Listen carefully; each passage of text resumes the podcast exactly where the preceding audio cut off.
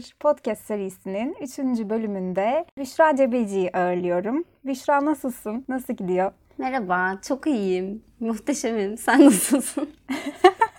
ben de çok iyiyim. Ee, seninle bu bölüm kaydedeceğim için de çok heyecanlıyım. Nasıl gidiyor? Neler yapıyorsun? Yani gerçekten böyle o kadar ya 2020 de böyle şey bir yıldı ya. Sanki benim için yok gibi bir yıldı. Böyle şey oluyor. Böyle düşünüyorum, düşünüyorum. Sanki bazı şeyleri birkaç ay önce yapmışım gibi geliyor. Bir yıl geçmiş aradan meğersem.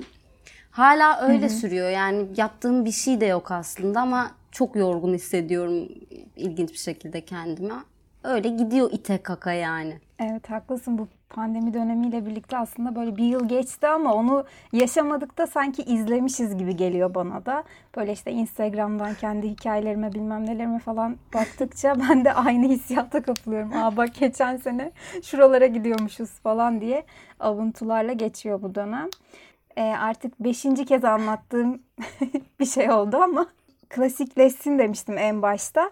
Ee, sana hemen ilk sorumu sorayım. Erkekler çiçektir ama hangisi? Sen ne düşünüyorsun bu konuda? Yani benim böyle çiçeklerle pek aram yok aslında ama yani bilmem açıkçası hangi çiçek nedir. Lilyum çok hassastır. Başta bugün onu düşündüm. Erkekler ne olabilir? Lilyum olabilir. Çok kırılgan, hassas. Çiçekler olarak alıngan. Ee, sonra şey geldi aklıma. Dün A101'den 4 tane çiçek aldım. A101 menekşesi 2 lira 25 kuruşa neden olmasın ki dedim. Galiba A101 menekşesi ya. Niye peki ucuz olduğu için mi? Güzel olduğu için mi? Çabuk erişilebilir olduğu için mi? Bir umut. Belki solmaz. Yaşatacağız diye bekliyoruz yani. Öleceğini biliyorsun böyle ama. A101'den aldığımız bir çiçek kar, yağmur, çamur Gerçekten. her şeye dayandı. Sarı bir çiçek vardı. İsmini bile bilmiyorum. Bütün çiçekler soldu. O asla solmadı. Dimdik ayaktaydı. Belki de öyle olur yani. Çok ümitli değilim ama şu an diri duruyorlar. bir umut. En az dört menekşe. Yani dört tane aldığım için söylüyorum. Caizdir diyorsun. Caizdir. Aynen.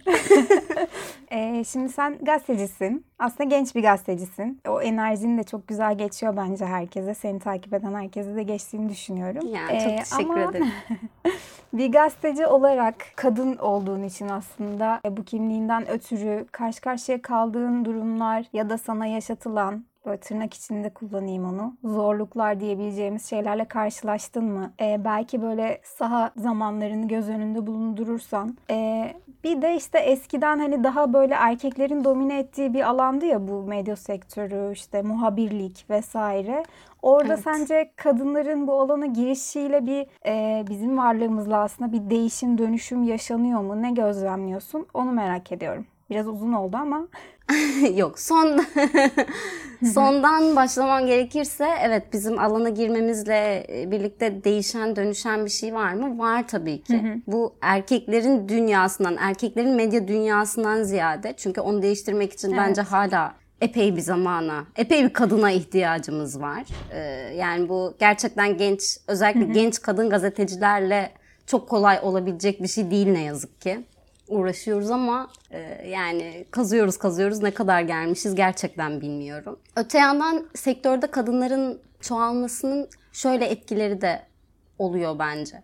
İşte geçmiş dönemlerde belki yıllar yıllar önce sektörde çok daha az kadın varken kadınlar kendi sikletlerinde diğer kadınları gördükleri için rekabet birbirleriyle rekabet ortamına e, giriyorlardı sanki ve bu e, hep böyle duyduğumuz kadın kadının da kurduymuş da bilmem neymiş gibi Evet. şeyler aslında biraz oradan Birbirinin çıkıyor. kuyusunu kazmak, ayağını kaydırmak meselesine mi dönüşüyordu acaba? Ya sanki ya bana biraz öyle geliyor açıkçası. Çünkü daha az kadın var ve e, erkeklerle mücadele etmektense e, yani işte diğer kadınların pozisyonunu daha ulaşılabilir buluyordu belki veya işte e, belki daha kıskanıyor olabiliyordu e, bunun gibi. Kendi sikletinde görmesiyle alakalıydı. Öte yandan işte kadınların tabii ki sektörde çoğalması, kadın dayanışmasının bu noktaya gelmesi, işte feminizm hareketi, kadın hareketi, e, sektör içindeki kadınların çoğunlukla benim gördüğüm esasında öyle, birbirleriyle dayanışmasına yol açtı. Yani ben işte ne bileyim bir e, ofiste biri tarafından tacize uğradığımda, mobbinge uğradığımda ya da işte ne bileyim sahada böyle bir şey yaşadığımda ilk e, benimle birlikte çalışan kadınlara gidiyorum mesela. E, böyle böyle bir şey yaşadım. Hani bir şey- ne yapalım, bir şey yapalım diye. Ve hiçbir zamanda hiçbir kadının beni ne geri çevirdiğini gördüm ne de işte böyle sinsi sinsi içten içten bir şeyler yaptığını gördüm. O anlamda gerçekten e, kadın kadının yurdudur noktasına çok güzel geldiğimizi düşünüyorum Gelmiş ben olmak. ve e, sektörde gerçekten birbirimize destek olmamız e, inanılmaz umut veriyor bana. Bu anlamda kadınların varlığı, çokluğu çok önemli. Sondan başladım. Bir önceki sor- soruyu unuttum ama. Yani aslında karşılaştığın zorlukları e, sormuştum sana biraz ama işte Evet. kadın olduğun için belki böyle erkekler tarafından sahada vesaire işte karşılaştığın herhangi bir zorluk oluyor mu işte ne bileyim kadınlar hassas kırılgan narin böyle bir üçleme var ya bize layık görülen zaten aslında kadınlar bir çiçektir falan muhabbetinin çıkış noktası da orası bence. Hepimiz artık böyle çiçeklerden soğuduk bu söylem sebebiyle aslında. Ki ben mesela narin olmak isteyen bir insanım. bir erkek tarafından öyle algılandığımı düşününce bu düşünceden uzaklaşmak istiyorum. Ee, senin böyle yaşadığın zorluklar oluyor mu? Bu algı üzerinden yaşadığın bazı zorluklar oldu mu, oluyor mu? Ya oluyor tabii ki hem kadın olmamdan ötürü hem de e, ben ufak tefek cep boy bir modelim. Dolayısıyla hani bir iş görüşmesinde e, çok da naif duruyorsunuz. Hani diyorum daha mı iri birini bekliyordunuz? Muhabir mi arıyorsunuz? Boksör mü arıyorsunuz? Ne arıyorsunuz yani? E, ya böyle şeylerle karşılaşıyorsun. Kadın olmanın e, zorlukları e, hakikaten. Yani yaptığın haberlerden ziyade aslında. Ee, ya evet tabii ki yani bir e, işte bir dışarıdan görünüyorum yani ufak tefek öyle çocuk gibi reşit bile görünmeyen bir mercimek kadar kız. Dolayısıyla bu bir güven vermiyor. Ama bizim sektörde zaten kadın olmak da e, yani işte bir erkeğin seninle aynı iş yapan erkeğin böyle 5-10 katı falan çalışacaksın ki aynı seviyede güven duyuyorsun sana saygınlığın olsun gibi. Hani bunu ağlanmak için söylemiyorum. Ağlanacak durumu çoktan geçtik ve biz uğraşıyoruz, mücadele ediyoruz bir şekilde ve tutunmaya çalışıyoruz. Zorlanıyoruz da hakikaten ama e, ya bunun da işte e, şöyle iyi bir yanı var. Bizden öncekiler ne kadar mücadele ettiyse biz bir ucundan tuttuk. Biz ne kadar edersek bizden sonrakiler bir ucundan tutacak diye baktığım için e, problem değil şu anda. Ama şöyle de bir şey var ki işte e, gazetecilik sadece erkek bir sektör değil. Yaşlı erkek sektörü. Dolayısıyla hem erkeklerle hem yaşlılarla mücadele etmek zorunda kalıyorsun. Aslında bence sektörde genç gazeteci olmak da çok zor bir şey. Uzun stajlar sonrası işe alınmalar falan gibi. O noktada bence öyle de bir durum var. Ya evet hem öyle oluyor. Uzun stajlar hakikaten dediğin gibi ucu açık yani staj konusunun. Hatta artık staj bile demiyorlar. Çağırıyorlar ve bayağı bedava çalış. Yani bu- bunu talep ediyorlar. Bunu pek çok arkadaşım Sen prestij kazanacaksın.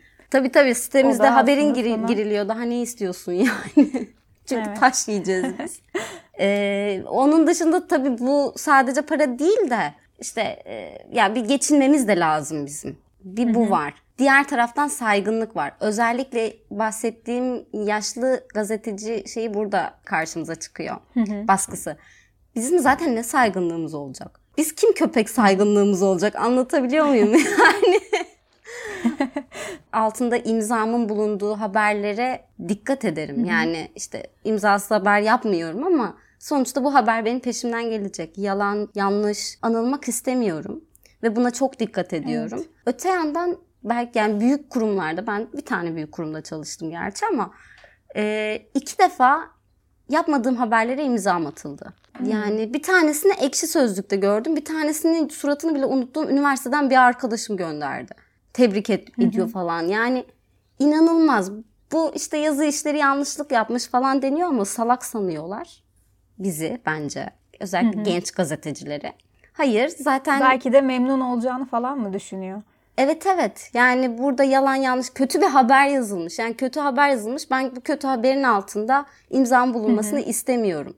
Ama benim böyle bir talebimin olabileceğine bile ihtimal vermiyor. Çünkü benim saygınlığım da olamaz. Çünkü benim bir ben no name bir insanım nazarında bu insanların. Bu tarz şeyler oluyor. Yani evet yani bizim sektörde kadın olarak ne yapacaksın? Türkiye gibi bir yerde, Türkiye özelinde söylüyorum şu an bunu. İşte diğer ülkelerde nedir ne değildir daha farklı sistemi olan pek çok kurum var çünkü ama e, ne olacaksın? Muhabirlikten başlarsın. Tırnak içinde söylüyorum. Bu bir basamak.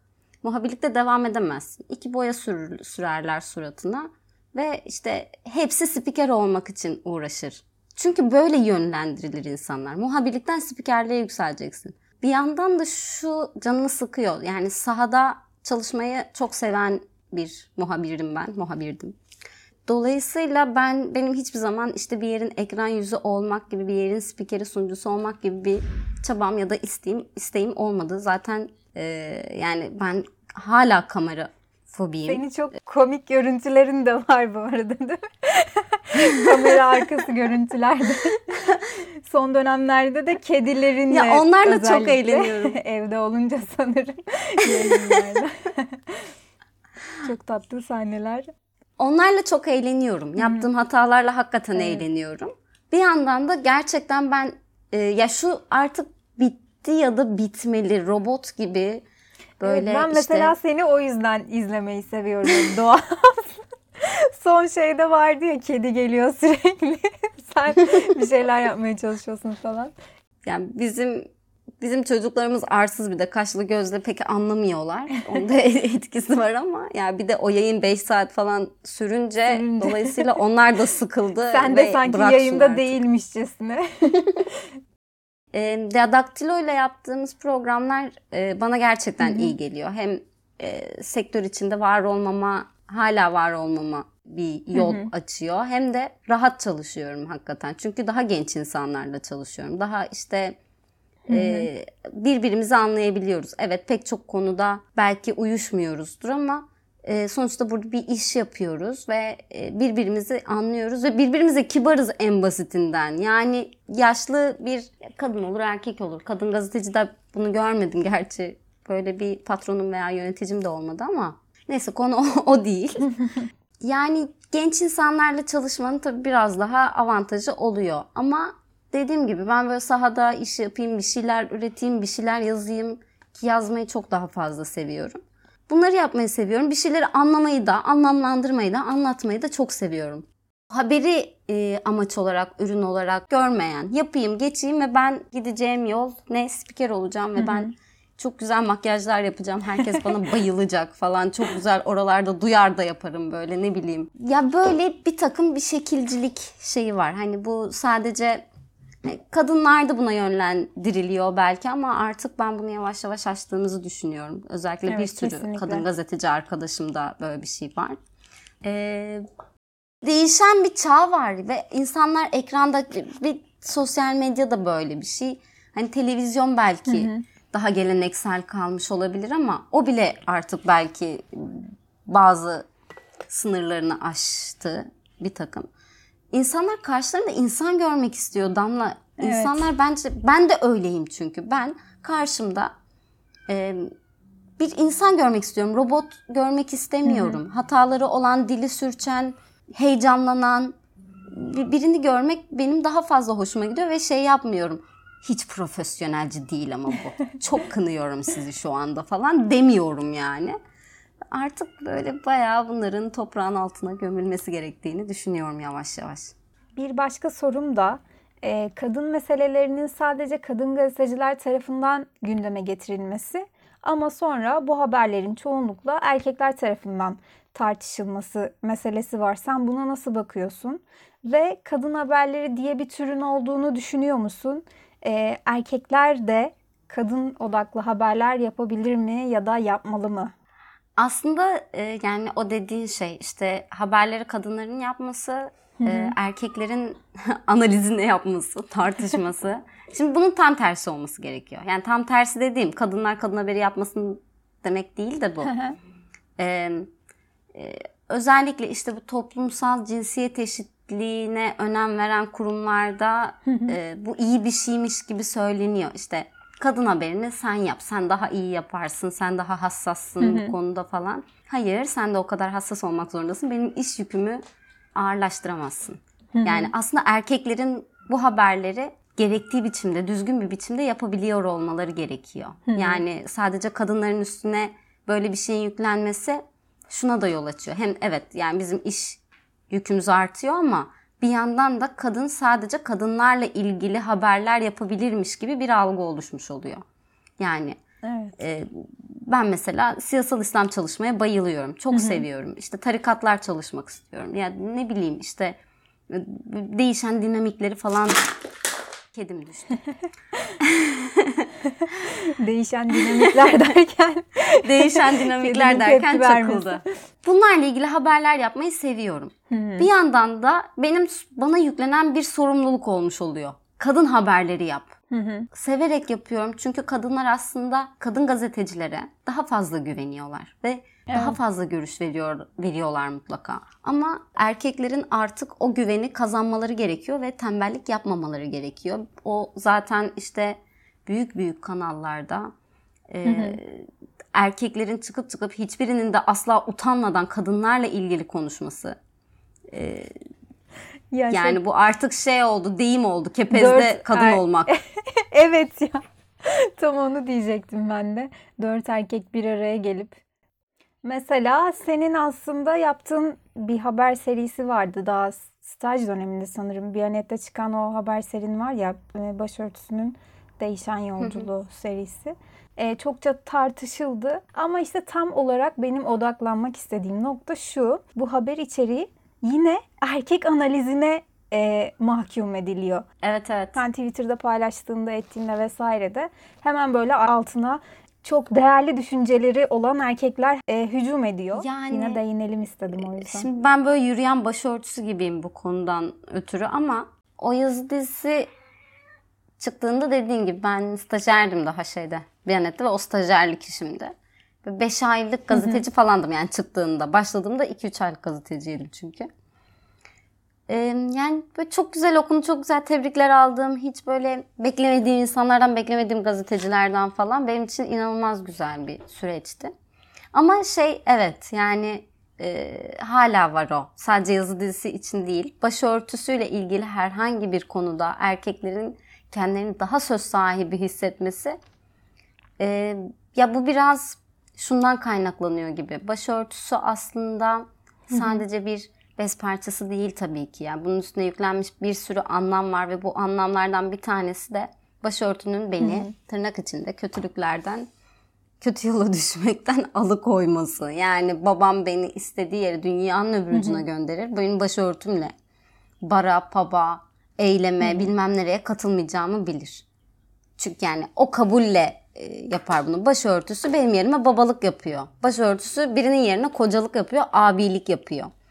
E, hiç tanımadığınız insanlar e, sizin hakkınızda söz söyleme haddini kendinde bulabiliyor. En basitinden bunu Boğaziçi e, direnişinde gördük. Başörtülü kadınların Boğaziçi dayanışmasına katılan başörtülü kadınları nasıl hedef gösterdiklerini gördük. O kadınlara neler yazdıklarını gördük. Yani herkes anladı mı sizin ne işiniz var orada demelerini gördük. Şu iki yüzlüğe bakar mısın? Yani ya bizim başörtülü bacılar iyi de Boğaz içinde kazanacak kadar zeki değiller sanki. Bunlar kesin buranın öğrencisi değil gibi bir şey. Dolayısıyla İslamcı erkeğin hiçbir zaman problemi ne kadın özgürleşmesi oldu, ne kadının kamusal hayatta var olması oldu, ne çalışması oldu. Ama bunları da aşıyoruz Damla. Yani bu çok güzel bir şey bence. O yüzden herkes böyle e, genç Y kuşağı veya Z kuşağı kötülüyor fakat ben gayet güzellemesini yapıyorum. Şey soracağım ben sana aslında. Arka planda bu üretimi yaparken senin e, güç aldığın bir kadın dayanışması da var. Böyle bir network'ten de besleniyorsun. Dayanışmanın verdiği güç motive ediyor muydu? Etmiş olabilir mi? Sana bir katkısı var mı?